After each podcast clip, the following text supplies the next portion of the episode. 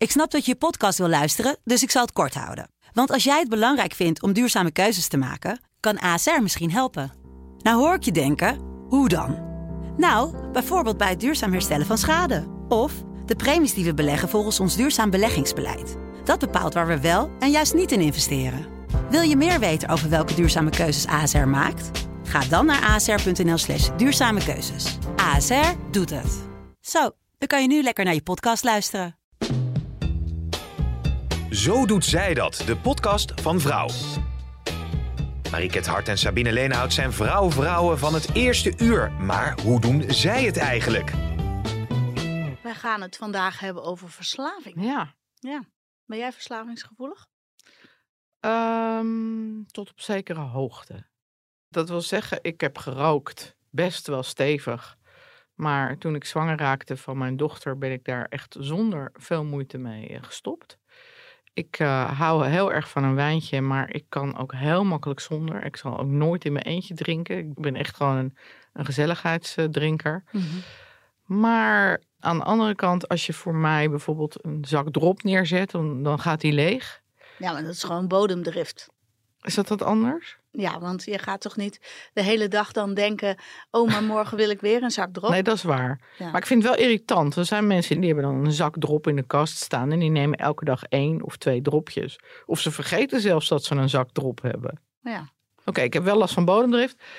en, en ik hou, ja, ik ben wel verslaafd aan mijn mobiele telefoon. Ja? Ja, mijn vriendinnen vinden ook dat ik verslaafd ben aan mijn mobiele telefoon. Want nu heb ik ook zo'n Apple Watch. Ja, dus als ik, als ik dan een appje binnenkrijg, maar ook een Facebook bericht of een Instagram eh, ding of een, eh, ik word gemensheid op Twitter. Ja, dan zegt die telefoon, die zegt "Trrr." en dan kijk ik op mijn horloge. Ik, en Ja. dan zeggen ze, zeggen mensen, waarom zit je net op je horloge te kijken? Moet je weg? Ja. dat heb ik toch ook wel eens tegen jou gezegd toen je net had. Ja, of eh, inderdaad, eh, ik heb ook van die vriendinnen en die reageren dan uren later op een appje. Ja, nee, als ik een appje krijg, moet ik het meteen zien. Maar ja, als je dan net gezellig met een paar vriendinnen in een restaurant zit, of weet ik veel, eh, soms vol, zit ik eh, met Jeroen een serie te kijken, maar dan ga ik toch de hele tijd zitten wordviewen. en dan zegt hij, je weet helemaal niet meer waar het over gaat. Waar Nee. gaat het over? Ja. Of zeg ik, "Stoe, spoel eens even een stukje terug. Nou, Ja, ja, ja. Dus ja, ik ben Dus wel verslaafd aan mijn telefoon. Nee, ik ben niet echt eh, verslavingsgevoelig. Ik ben overigens ook, eh, net als jij, verslaafd geweest aan nicotine. Ik eh, herken een lichamelijke verslaving. Had ehm, toen ik stopte met roken, ook eh, doordat ik ehm, in verwachting raakte, totaal geen moeite met stoppen. Echt totaal niet. Ik legde me, eh, terwijl ik eh, echt wel eh, minimaal 10 sigaretten per dag rookte.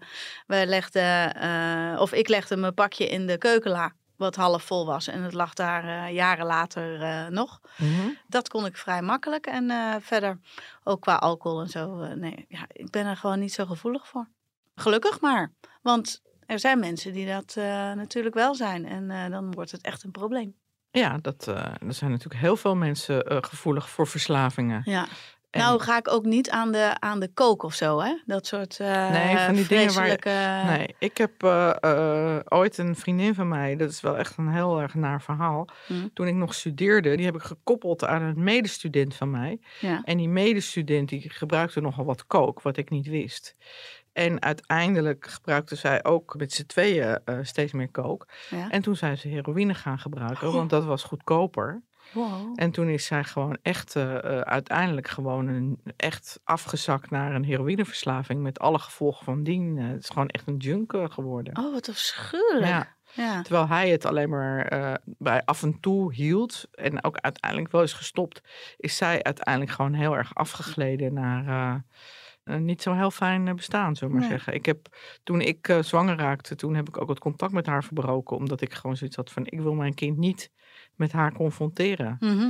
Maar ik heb dus ook van dichtbij gezien wat een drugsverslaving eh, met iemand kan doen. En hoe, hoe, hoe iemand kan veranderen eh, ja, door een drugsverslaving. Ja, ik heb het niet in eh, dusdanig close meegemaakt, maar, maar wat ik er dan wel van zie en wat je in films en van andere vrouwen hoort die kinderen hebben met harddrugsproblematiek. Het liegen, het voortdurend maar bezig zijn met geld bij elkaar eh, harken en sprokkelen om eh, maar in die verslaving te voorzien. Ja. Ja, dat maakt Nou ja, echt zij is eh, heel veel stuk. Zij is de prostitutie ingegaan. Mm. Is zwanger geworden. Het lijkt wel echt wel een boek of een film. Is zwanger geworden van een klant. Hij heeft de baby gehouden. Toen werd ik midden in de nacht gebeld. Nou, ik was toen echt eh, 23 of zo. Ja. Door het AMC van je vriendin is aan bevallen en wil graag dat ze komt. Oh. Dat je komt. Dus ik heb de eerste eh, bevalling die ik ooit heb meegemaakt van iemand anders. Was dus bij haar. En toen kwam die baby dus verslaafd ter wereld. En die moest dus meteen eh, afkicken. Ja. Dus die ging aan de Librium volgens mij, ja. En die verpleegkundige deden zo onaardig tegen haar. Zo Oh, echt? onaardig, ja. ja, totaal geen begrip natuurlijk. Nou ja, wel begrip, maar echt zoiets van, ja, hoe kan je dit nou je kindje aandoen? ja. Die gewoon verslaafd ter wereld komt en in, meteen in de, of een maand te vroeg meteen in de couveuse trillend. Ja. Maar dat is natuurlijk ook meteen het grootste vooroordeel. Dat iemand er zelf iets aan kan doen. Hè? Hoe kan je dit je kindje aandoen? Maar je, je raakt lichamelijk zo verslaafd. dat je hersenen niet eens meer eh, helder eh, Ja. eh, kunnen denken. Ja, dus dan is die verslaving gewoon eigenlijk het allerbelangrijkste. En daar moet alles voor wijken. Ja, dat is veel groter dan jezelf. Maar ik moet eerlijk zeggen dat, dat het afschrikwekkende beeld van mijn vriendin en haar vriend. Dat Mhm. mij dat er altijd voor heeft behoed om harddrugs te gaan gebruiken. Omdat je gewoon ziet wat er met iemand gebeurt. Ja. Ja, begrijpelijk. Ja. Ik ben ook wel voor dat soort dingen ook wel zelf bang gemaakt door mijn ouders hoor. Ja, want wij ook, ik moest altijd moest verplicht die film van Christiane F. zien. Ja. En ik, heb toen eh, ook eh, mijn kinderen die film laten zien. Ja. Wat er inderdaad kan gebeuren als je op jonge leeftijd eh, met drugs in aanraking Ja. komt. Ja, en we hebben het nu eh, eh, even voornamelijk over substanties eh, gehad waar je verslaafd aan Mhm. kunt raken. Maar er zijn natuurlijk nog een heleboel andere verslavingen. Zoals daar is een shopverslaving of een seksverslaving. Of, nou, Een reisverslaving. reisverslaving. Nou, dat heb ik ook wel een beetje. Ja? Daar had ik het ook met een collega over. Die zei, als ik heel lang niet in een vliegtuig stap, dan word ik een beetje onrustig. Ja, ja, ja. Nou ja, ik, verslaving is gewoon een groot woord. Maar ik vind het wel heel leuk om, om eh, wat van de wereld te zien. En, om, eh, Ja. eh, en dat vind ik ook leuk om naar Terschelling te gaan hoor. ja. Ik bedoel, dan, dan ben je ook al, ook al in een hele andere wereld. Je hoeft echt niet naar de andere kant van de wereld. Maar gewoon, zoals mijn oma dan zei, af en toe een ander behangetje. ja, precies. Ja, dat is wel fijn. ja, ik bedoel, nu wordt het lente en dan zomer. En dan, eh, ja, hopelijk blijft corona een beetje weg. En wat er nu allemaal gebeurt met Oekraïne, maakt ook niet dat ik nu echt denk van, goh, ik ga eens even naar de andere kant van de wereld. Mhm. Maar ik hoop wel dat we gewoon. Ik heb wel een aantal festivals ge- gepland deze zomer. Concert at Sea en eh, Breda Live. En eh, nou ja, ik, eh, ik heb een reisje naar Spanje eh, in het vooruitzicht. En dan hoop ik allemaal wel dat het door kan gaan. Daar kan ik allemaal wel ontzettend naar uitkijken. Zijn wij een beetje verslaafd aan actie in ons leven? Nou ja, dat lijkt het wel op. ook wel inderdaad. Ik moest eh, voor Vrouw Magazine ehm, een artikel schrijven over eh, eh, dat ik een geluksvogel ben. En eh, daardoor moest ik er even zelf ook goed over nadenken. Waarom, waarom zeggen mensen dat tegen mij? Toen kwam ik wel eh, tot de conclusie dat, dat ik er zelf eh, graag voor kies om een heel vol en eh, druk leven te leiden. Wat voor op andere mensen over kan komen. eh dat ik, Jezus, Sabine, doe eens even rustig aan. Weet je? wel. Moet je nou weer dit en moet je nou Ja. weer dat? Maar ehm, voor mij voelt dat helemaal niet als moet je nou weer dit en moet je nou weer Ja. dat. Ik, heb ook wel inderdaad, mensen zeggen ook tegen mij, jeetje, dan ben je vier avonden per week weg. Ja, Want inderdaad, als op de avonden dat ik dan niet weg ben, dan ga ik ook nog naar de sportschool. Dus dan ben ik eigenlijk ook weer de deur uit. ja, Maar ja, ik maak mijn hoofd wel echt heel erg leeg door eh, eh, op hele harde muziek heel hard te gaan spinnen. ja, En dan denk ik ook, nou ja, weet je wel, met al die etentjes is het ook goed om op die andere avonden wat calorieën te verbranden. ja. En zoals Janneke Witkoek zegt, ja, eh, je moet gewoon voor je hart moet je die hartslag ook af en toe flink omhoog brengen. Ja. Maar dat heb ik dan inderdaad ook. Van, ik word echt onrustig als ik gewoon dag in dag uit of avond in avond uit op de bank zit. op de bank hang. Ja. Ja. Dus dat is dan. is dat een verslaving? Mm, nou ja, je wordt onrustig als je het niet gaat doen. En volgens mij is de definitie van een verslaving dat je ergens afhankelijk van wordt. Ja, maar, maar ook als het doorslaat. Ik bedoel, zo- zoals sporten is gezond. Maar als je een sportverslaving hebt, die sommige mensen ook hebben, ja. waardoor ze zeven dagen per week in de sportschool zijn. Hoe heet dat ook alweer? Orthorexia, Ja. die gewoon helemaal doorslaan in gezond leven of in. eh, nou ja, die helemaal hysterisch worden, inderdaad. eh, eh, als ze het gevoel hebben dat ze een keer suiker eten of zo, wat heel slecht voor ze is. Ja, ja, ja. Ja, dat is dan een beetje doorslaan. En in de sportschool kun je zeker ook verslaafd zijn. Bij mij in de sportschool komen veel meer mannen dan vrouwen. Dan kan ik af en toe echt gefascineerd zit te kijken hoe mannen dan aan het sporten zijn. En ook voortdurend voor de spiegel staan met eh, het liefst ook wat gekreun. Spieren staan opbollen. Dat je ook denkt, oké, ja, nu sla je dus wel een beetje door. naar, Ja, ja, ja. Ehm, wij hebben ehm, een hele bijzondere gast die we even mogen bellen. ja, En dat is Rafaela Rafaela. Paton. Ja. We kennen haar nog van, eh, nee, The Voice. Nee, zelfs nog de voorloper van The Voice. De Idols? Ja. Ja. En eh, die won zij. En ehm, dat is ook alweer jaren geleden. En in die tijd had zij een pittige cocaïneverslaving, Ja. blijkt achteraf. Maar inmiddels is ze al tien jaar clean. Dus dat is ja, heel fijn voor haar en Ja. eh, voor de mensen om haar heen. Maar ehm, ik ben benieuwd eh, hoe zij eh, naar dit onderwerp kijkt. Absoluut. Met Laviella. Hi, je spreekt met Sabine Leenhout. En met Marieke, Hoi. hi. Eh, vertel eens, hoe is jouw drugsverslaving ontstaan? Ehm, ja, ik heb dus een, eh, dat wist ik op dat moment nog niet. Voordat ik drugs ging gebruiken, wist ik gewoon echt nog niet dat ik een eh eetstoornis heb. Mhm. Ik was altijd heel erg bezig met afvallen en ik was echt al broodmager. God weet waarom ik dat wilde. Maar een vriendin tussen aanhalingstekens die, ehm, ja, die zei tegen mij: Ja, weet je, ehm, je moet dit eens even een keertje gaan proberen. Want dit helpt je echt. Wat is dat dan? Ja, dat is speed, zei ze. Ik zei van nee, maar dat doe ik niet. Ik wil het echt niks mee te maken. Ik wil niks, ik wil geen drugs gebruiken. Nou, en op een gegeven moment, eh, dat stemmetje in mijn hoofd, die zat tegen mij te praten zo van, eh, ja, eh, maar kijk eens naar jezelf in de spiegel. En zei, eh bood je dat aan en een paar weken geleden? Is dat niet handig om even daarop terug te komen? Vervolgens eh, heb ik het geprobeerd. En binnen een week was ik iets van eh, 4, 5 kilo kwijt. En speed is net zo verslavend als coke? Voor mij wel. Ja. Ja. Ja, En je viel heel erg voor af, zei je, en toen? Het viel niemand op in mijn omgeving. Dat je het gebruikt. Wat, ja, Mhm. Ehm, tot, eh, tot op het laatst heeft niemand het eh, doorgehad. Ik ging steeds meer en meer gebruiken. Nou, op een gegeven moment heb ik, weet ik nog dat ik moest optreden voor onze soldaten in Afghanistan. En als ik daarvan de foto's zie, die zag ik laatst toevallig op mijn Facebook, want ik had dat daar in een mapje. Nou, brood en broodmager. En mensen, een vriendin van mij vroeg wel aan mij van, ja, ehm, ben je nog steeds aan het afvallen? Zei ik van, ja, ja, ik wil gewoon, ik ben nu wel gestopt, weet je, ik ben nu wel echt wel gestopt met afvallen, maar daar loog ik natuurlijk tegen. Ik loog tegen iedereen eigenlijk. Mhm. Want door het spul voel je ook echt ellendig. En op een gegeven moment toen zei iemand tegen mij, eh, waarmee ik in een band zat, volgens mij, ik weet niet eens meer precies, die zei van, gebruik je speed, je moet eens proberen. Want dat gaat je echt, ehm, ja, gaat je gewoon beter laten voelen. Mhm. Nou, toen heb ik de eerste keer coke gebruikt, dat weet ik nog heel goed, was voor een optreden. Heel dom eigenlijk, maar eh, bedenk ik me dan nu. Maar het is, eh, ik was eh, de beste zangeres van Nederland in mijn hoofd.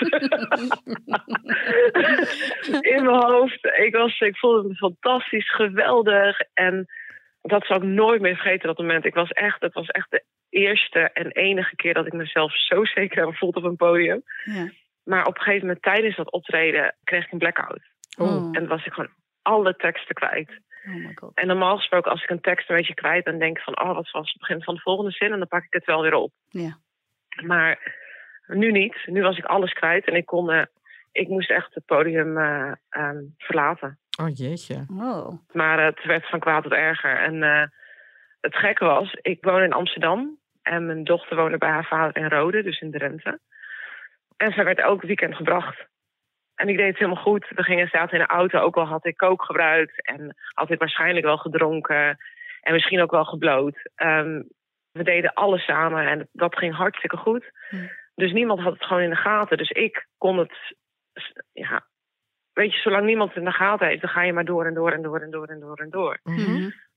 Tot ik op een gegeven moment zelf het gevoel had van, ehm, ik werd op een ochtend wakker, ik keek naast het bed op het kastje en ik zag een lijntje kook. Ik dacht van, oké, ik ging gelijk, begon ik en toen dacht ik van, is dit niet wel heel erg eigenlijk? Mhm. Mhm. En toen dacht ik van, weet je wat, ik ga gewoon, ik heb zelf eh, verslavingszorg in Groningen gebeld. Ik ben daar in therapie gegaan.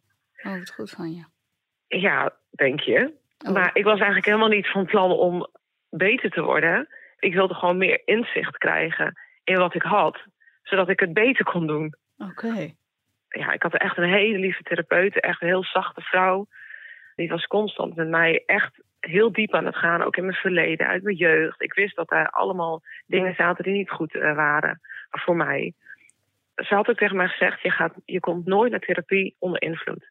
Dat wil ik gewoon niet. Maar op een gegeven moment toen had ik dus had ik een, een ochtend werd ik wakker. Ik had therapie, ik had gesnoven, ik had gedronken, ik had gebloot.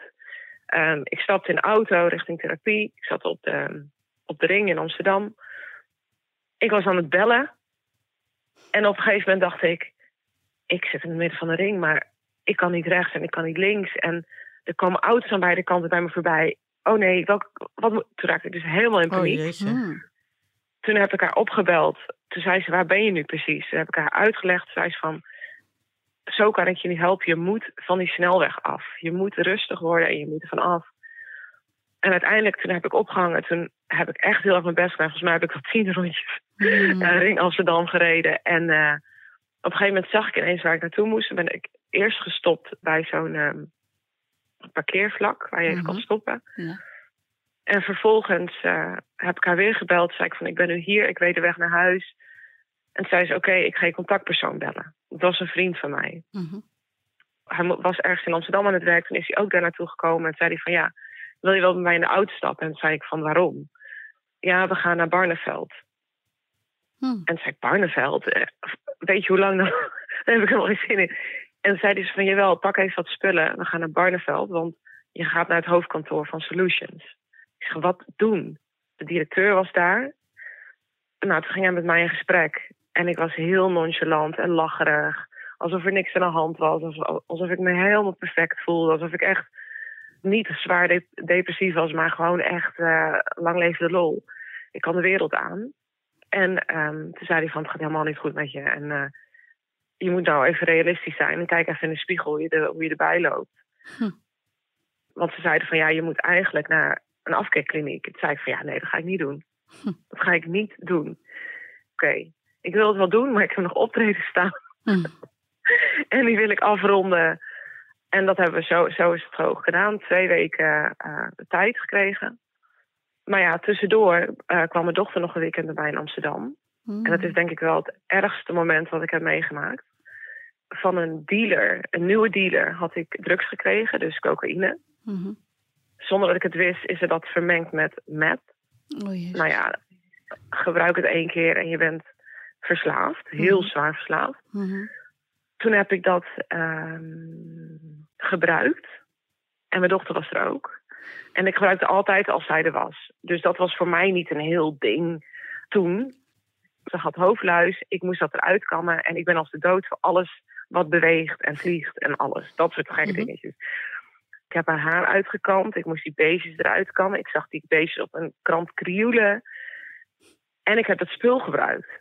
En ik gebruikte steeds meer en meer en meer. Ik weet niet waarom ik dat deed op die avond, maar het was zo. En op een gegeven moment zag ik, keek ik naar mijn handen en toen dacht ik van, er bewegen allemaal beesten onder mijn huid. Oh, jeetje. Ik deed muziek aan en ik was heel angstig. De hele tijd liep ik naar een spiegel en ik was heet alsof ik het puist aan het uitdrukken was in mijn gezicht.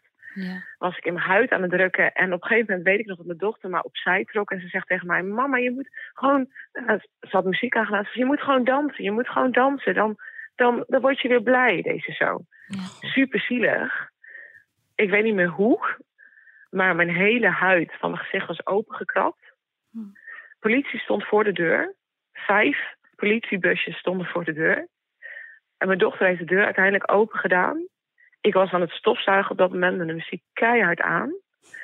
En het was half twee s'nachts.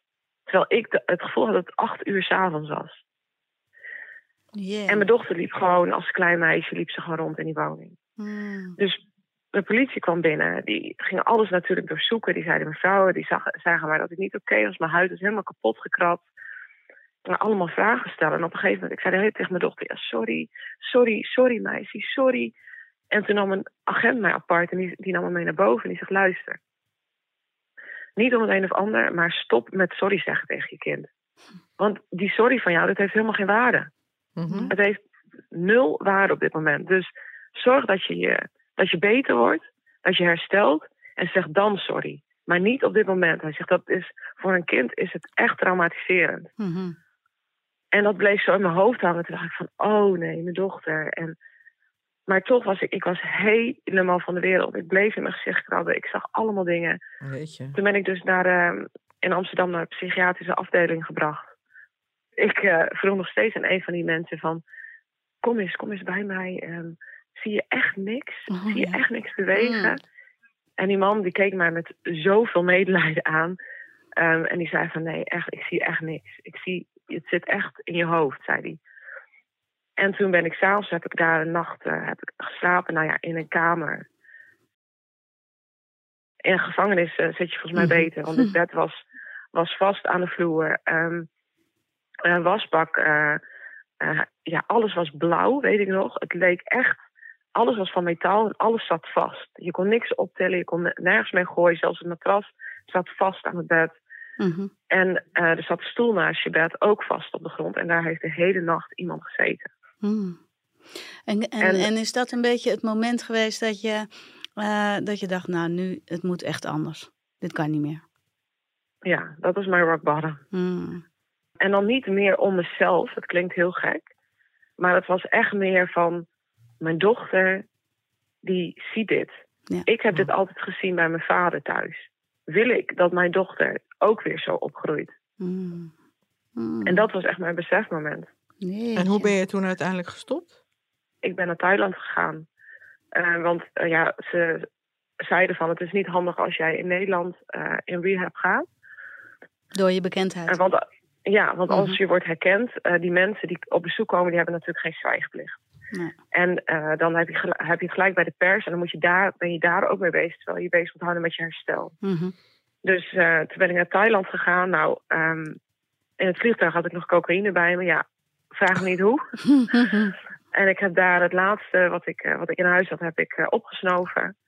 Ik kwam eraan, tassen zijn doorzocht. Nou, dan ga je twee weken bijna van detox in. Mhm. En dat zijn, is een echt een hele erg tijd. Ja. En toen heb ik uiteindelijk heb ik daar twee maanden gezeten. En toen kwam ik terug naar Nederland en toen heb ik het nooit meer gebruikt. Wat goed. Wat goed. En nu ben je al tien jaar clean. Ja, Ja. ja zeker. Ja. Nou, gelukkig. Wat ik me nog wel afvroeg als je van kook word je, dat zei je net al, eh, je hebt nooit zo zelfverzekerd op een podium gestaan. Toen je daarna clean een podium op moest, was dat, was dat eng? Ehm, ja, Ja. Ehm, daar heb ik ook trainingen voor gehad. Ja. Ehm, en dat was omdat ik zeg, ja, ik durf het trapje niet op. Mhm. Toen hebben ze gezegd tegen mij van visualiseren. Oké. Want het moment dat ik op het podium sta, dan, dan is die spanning ook weg. Ja. Dus ik heb dat gewoon echt moeten leren. Ja. En de eetstoornis, ben je daar nu ook helemaal vanaf? Daar ben ik ook, eh, eh, eh, tien jaar heb ik die ook al onder controle. Nou, ontzettend goed. Ja. Respect. Ja, Ja, ja, respect, ja. dankjewel. Bedankt voor je tijd. Ja, en voor je, voor je aangrijpende verhaal. Ja, Dankjewel. Dat je dat wilde vertellen. Dankjewel.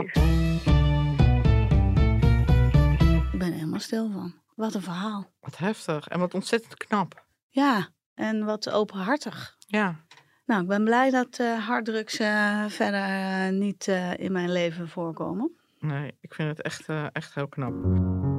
Het Zo Doet Zij Dat. Taboe. Als we nou eh, het hebben over taboe rondom verslavingen, wat is eh, voor jou een taboe? Nou, voor mij is het geen taboe. Maar eh, ik merk in mijn omgeving dat het niet algemeen geaccepteerd is dat je cannabis gebruikt. Dus je mag wel eh, eh, zeggen, nou, ik ben gisteren met mijn vriendinnen uit geweest en we hebben met z'n drieën eh, vijf flessen wijn eh, gehad. Als je zegt, ik ben met mijn vriendinnen uit geweest en we hebben onze kop van onze romp gebloot en dan met een vaporizer zonder tabak, dat kun je niet zeggen. Weet je, dat er in de jaren zestig dat Nixon de war on drugs verklaarde en tevens cannabis in het harddrugshoekje hoekje gooide, kan je dat dus niet meer zeggen. Terwijl ik vind dat wel een beetje moeilijk taboe eigenlijk. Maar in hoeverre is wiet legaal? Nou, in Nederland is het legaal, je mag het gebruiken. Ja, volgens mij mag je het wel gebruiken en ook een klein beetje bezitten, maar je mag het niet verhandelen. Je mag het niet verhandelen, maar je mag het wel verkopen als uh, koffieshop-eigenaar. Mhm. En uh, je, je mag geen voorraad hebben, maar uh, ja, dat uh, wordt oogluikend ook toegestaan. Er wordt gewoon belasting over betaald. Je mag het niet kweken, dus dat blijft in die illegale sector zitten. En ja, in die criminele wereld gaat natuurlijk ontzettend veel mis. En in de, in de smokkelwaar ja. natuurlijk ook. Maar... En wil je daaraan meewerken? Nou, ik werk er niet aan mee, want uh, ik zet gewoon zelf een plant in mijn tuin. Neder, wiede, wiede, wied. Nee, de wiede, wiede, wied. en uh, daar moet je gewoon negen weken heel goed voor zorgen. Je mag vijf planten hebben. Ik heb er gewoon één of twee. Het is niet dat ik iedere avond me helemaal knetterstoond uh, door, door het leven beweeg. Ja, ik ben er wel van overtuigd dat uh, wietdruppels en cannabis gezond voor je zijn. Veel beter dan uh, alcohol. Ja, er zit geen tabak in, maar je gaat natuurlijk toch wel. Die rook komt natuurlijk toch in je longen. Nee, want het is damp. Ik oh, verdamp, hè? Oké. Ja, dus, ja, en wat dus vind je daar nou zo lekker aan? Ik heb al sinds mijn negentiende niet meer gebloot. Dus, Oh, um, nou ja, we, de, de soort die ik fijn vind, is een actieve, een sativa, dus uh, een, uh, een activerende uh, cannabissoort. Waar je in de beschrijving van het zaadje staat ook: begin je dag met een energieke boost. Nou, nou ga ik niet ochtends blowen, maar als ik dat rook, dan ik word daar drukker van dan dat ik normaal gesproken ben. En ik ga op een andere manier denken.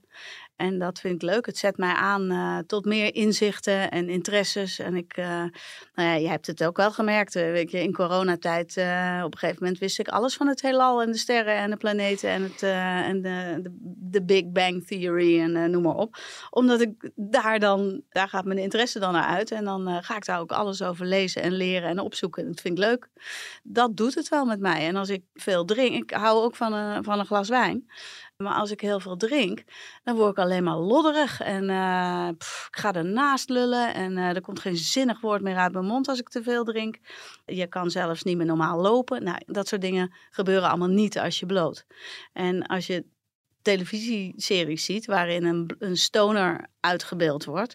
Dat zijn altijd van die compleet lethargische types die op een bank hangen en waar niks zinnigs meer uitkomt. Ja, en dat is totaal mijn ervaring niet met uh, eh, THC of cannabis. Oké. Nou ja, er komen steeds meer die hele hype rondom uh, CBD-olie. En uh, CBD is ook een bestand wat, wat in cannabis voorkomt. Daar word je overigens niet stoned van, maar daar, daar worden allerlei fantastische eigenschappen aan toegedicht. Goed om op te slapen, goed tegen overgangsklachten, tegen reuma, tegen... Nou ja, een, een bevlogen betoog. Ja.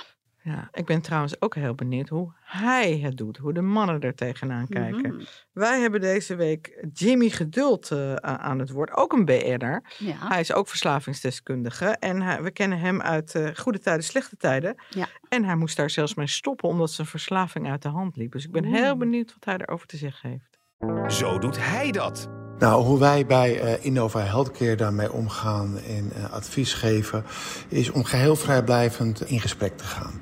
In gesprek te gaan met de verslaafde en de gehele familie. Maar vooral in bijzijn van een opgeleide ervaringsdeskundige. Zodat hij of zij ook uh, zijn drama, zijn verhaal, zijn hel waar hij doorheen is gegaan, met jullie dierbaren kan delen. Heel vaak ontstaat er dan een herkenning van degene die jullie dierbaar is en ook uh, de verslaafde is, maar heel veel moeite heeft om dat uh, toe te geven. En dat gebeurt ook vaak uit uh, schaamte, uit taboe. Ook heel vaak uit ego. dat ze niet willen toegeven dat ze een probleem hebben, maar wel degelijk hebben. En juist doordat er iemand met hem praat die hen kan horen, die hen kan begrijpen en heel goed kan voelen, omdat hij of zij er ook zelf geweest is, is dat vaak voor een verslaafde veel herkenbaarder dan dat familie of een dokter uh, die die ervaring niet heeft gehad aan hem loopt te trekken en loopt te duwen van joh, ga je nou laten opnemen en, en, en pak die hulp nou aan. Het is heel moeilijk iets te voelen voor iemand wat je niet kent. In vele vlakken in de zorg is het vaak de ervaringsdeskundigheid die daar wel een, een goede opleiding voor moet hebben gehad, hoe het ook over moet brengen bij iemand die ook echt om hulp vraagt. Om ook te zien welke stappen hij daarmee kan maken. En op deze manier treden wij gewoon op een motiverende gespreksvoering in op de patiënt. Om deze stapje voor stapje uh, zijn schaamte zijn taboe uh, te laten varen. En dat het oké is dat iemand een probleem heeft. Want uh, niemand is perfect en elk huisje heeft een kruisje. Ik zeg ook zelf ook maar vaak, kijk, niemand is roomser dan de paus. Uh, zelfs de paus zelfs ook niet. nou ja, en dan zie je dat eh, ook hij uh, vanuit ervaringsdeskundigheid. Uh, Net als Rafael, helpt. Hè? Ja. Daar geloof ik ook wel in. Ik ben wel eens bij een diëtiste geweest, om het dan weer over de dropjes te hebben, die dan zei: Ja, maar dan eet je toch gewoon één dropje. En dan Mhm. doe je de zak weer weg. En ik was zelf nooit dik geweest. Terwijl als je bijvoorbeeld kijkt naar Mieke Kosters of de Weight Watchers, eh, Mhm. mensen die zelf ook eh, dik zijn geweest en zijn afgevallen, die begrijpen gewoon veel meer waarom je eh, wat dikker bent geworden. Die hebben uit eigen ervaring, die zijn zelf afgevallen, die weten de valkuilen die je tegenkomt. Mhm. Die zeggen gewoon, je moet die drop gewoon niet in huis halen. Ja. Ik denk ook heus wel dat er goede verslavingsklinieken zijn met goede methodes, zonder dat je ervaringsdeskundige bent, maar ik denk wel dat het helpt. Ja. Opgebiecht. Heb jij ehm, eigenlijk nog wat op te biechten over dit eh, onderwerp? Ja, ik eh, eh, zat er nog over te denken van wat heb ik nog meer voor verslavingen. Nou, verslaafd is een groot woord, maar ik ben wel gevoelig voor een shopverslaving. Dat wil zeggen dat ik gevoelig ben voor koopjes. Bijvoorbeeld als ik met jou naar dat leuke winkeltje ga in eh, Bergen. En dan denk ik bij mezelf, nee, ik heb echt niks nodig. Ik heb een kast vol met kleren en dan zie ik toch weer iets heel leuks. En dan kom ik uiteindelijk toch weer met een gevuld tasje naar buiten. Dan heb je wel eens wat gekocht bij een hele leuke winkel. En dan krijg je dus een nieuwsbrief. Dan zeggen ze, nee, je krijgt nu de helft van de prijs. Of 60% korting. Of dan denk ik, jeetje nou, dan kan ik nu dat, dat, dat jurkje kopen met 60% korting. Mhm. En ik heb dus ook wel eens eh, een jurkje gekocht met zo'n Chinese website. Eén keer maar. Ja. Nou ja, het was op de foto heel leuk. En in het echt was het een soort hobbezak. En eh, was het ook helemaal niet duidelijk hoe je hem, eh, hoe, je hem weer terug kon sturen. Oh, een soort. AliExpress-achtig iets. Ja. Dus dat doe ik niet meer. Eh, ik heb mezelf ook echt aangeleerd dat ik al die abonnementen op al die nieuwsbrieven weer opzeg. Maar ik weet zeker dat als we binnenkort weer in het winkeltje in Bergen zijn, dat je weer voor de bijl dat ik gaat. weer voor de buil ga. En jij? Nou, ik kan wel dat, de binge-watchen. Sinds er allerlei streamingdiensten bestaan en dit woord eh, ook in Nederland eh, gebezigd wordt, moet ik toegeven dat ik daar ook, daar ben ik wel gevoelig voor. Als ik iets, eh, en dat is niet zo heel vaak, maar eens in de zoveel tijd is er een eh, serie eh, die me echt aanspreekt. En dan haal ik gewoon een hele nacht door. En dan zeg ik tegen Maarten, nee, ik slaap gewoon thuis. En dan ga ik op de bank zitten. En dan kijk ik echt tot... eh, en dan ineens is het vijf uur 's ochtends. En dan heb ik het seizoen uit. En denk ik, oh, wat erg. Dat geldt natuurlijk voor elke verslaving. Van is het, word je er beter van of niet? Ja. Kijk, je wordt niet beter van een alcoholverslaving of van een drugsverslaving. Dat kan iedereen eh, vertellen. Ja. En, eh, ik ja, maar zo- hier word je ook niet, werd Nee. je ook niet beter Nou ja, van. dus dan denk je van, een beetje van, depressief word- ja, eh, weet je wel, is het nou, word ik hier nou gelukkiger van? Nee. Nee. Dan denk ik, als ik af en toe gelukkig word van een keer naar een winkeltje in Bergen gaan, dan denk ik van nou, dat vind, ik- dat vind ik dan zelf niet zo erg. Nee, En die zak Nee. erop, ja, ik weet gewoon, dat is niet goed voor me, al die suiker, dus ik koop dat gewoon niet. nee. Dus Ja. ik denk, zolang je je verslaving een beetje be- eh, eh, In de hand houden. in de hand houdt, dat je het voor het ja, zelf het gevoel hebt van nou. En eh, mijn vriendinnen worden niet allemaal boos omdat ik de hele tijd op mijn telefoon zit te kijken. Maar ja, goed, dat, zo'n kookverslaving, daar kan je dan op een gegeven moment niks meer aan Nee, doen. maar Dan daar wordt word het je- een ziekte. Ja, maar dan, daar denk ik van tevoren van, daar ga ik niet eens aan beginnen. Nee, ik ook niet. Maar zo'n seksverslaving, wat eigenlijk meer een aandachtsverslaving is, dat is natuurlijk ook weer eh, heel moeilijk terrein. Ja, maar dat is natuurlijk het, hetzelfde als met sporten. Van, kijk, regelmatig seks hebben en genieten van seks. Net als met sporten, regelmatig sporten en daarvan genieten is goed. Heb je het gevoel dat het, dat het eh, je leven gaat beheersen, Ja, dan is er iets aan de hand en dan moet je er ook iets aan doen. ja. Nou ja, lijkt me een hele mooie afsluiting. Ja, hè? Ja. Nou, tot volgende keer. En eh, geef ons een paar sterren in je favoriete podcast app.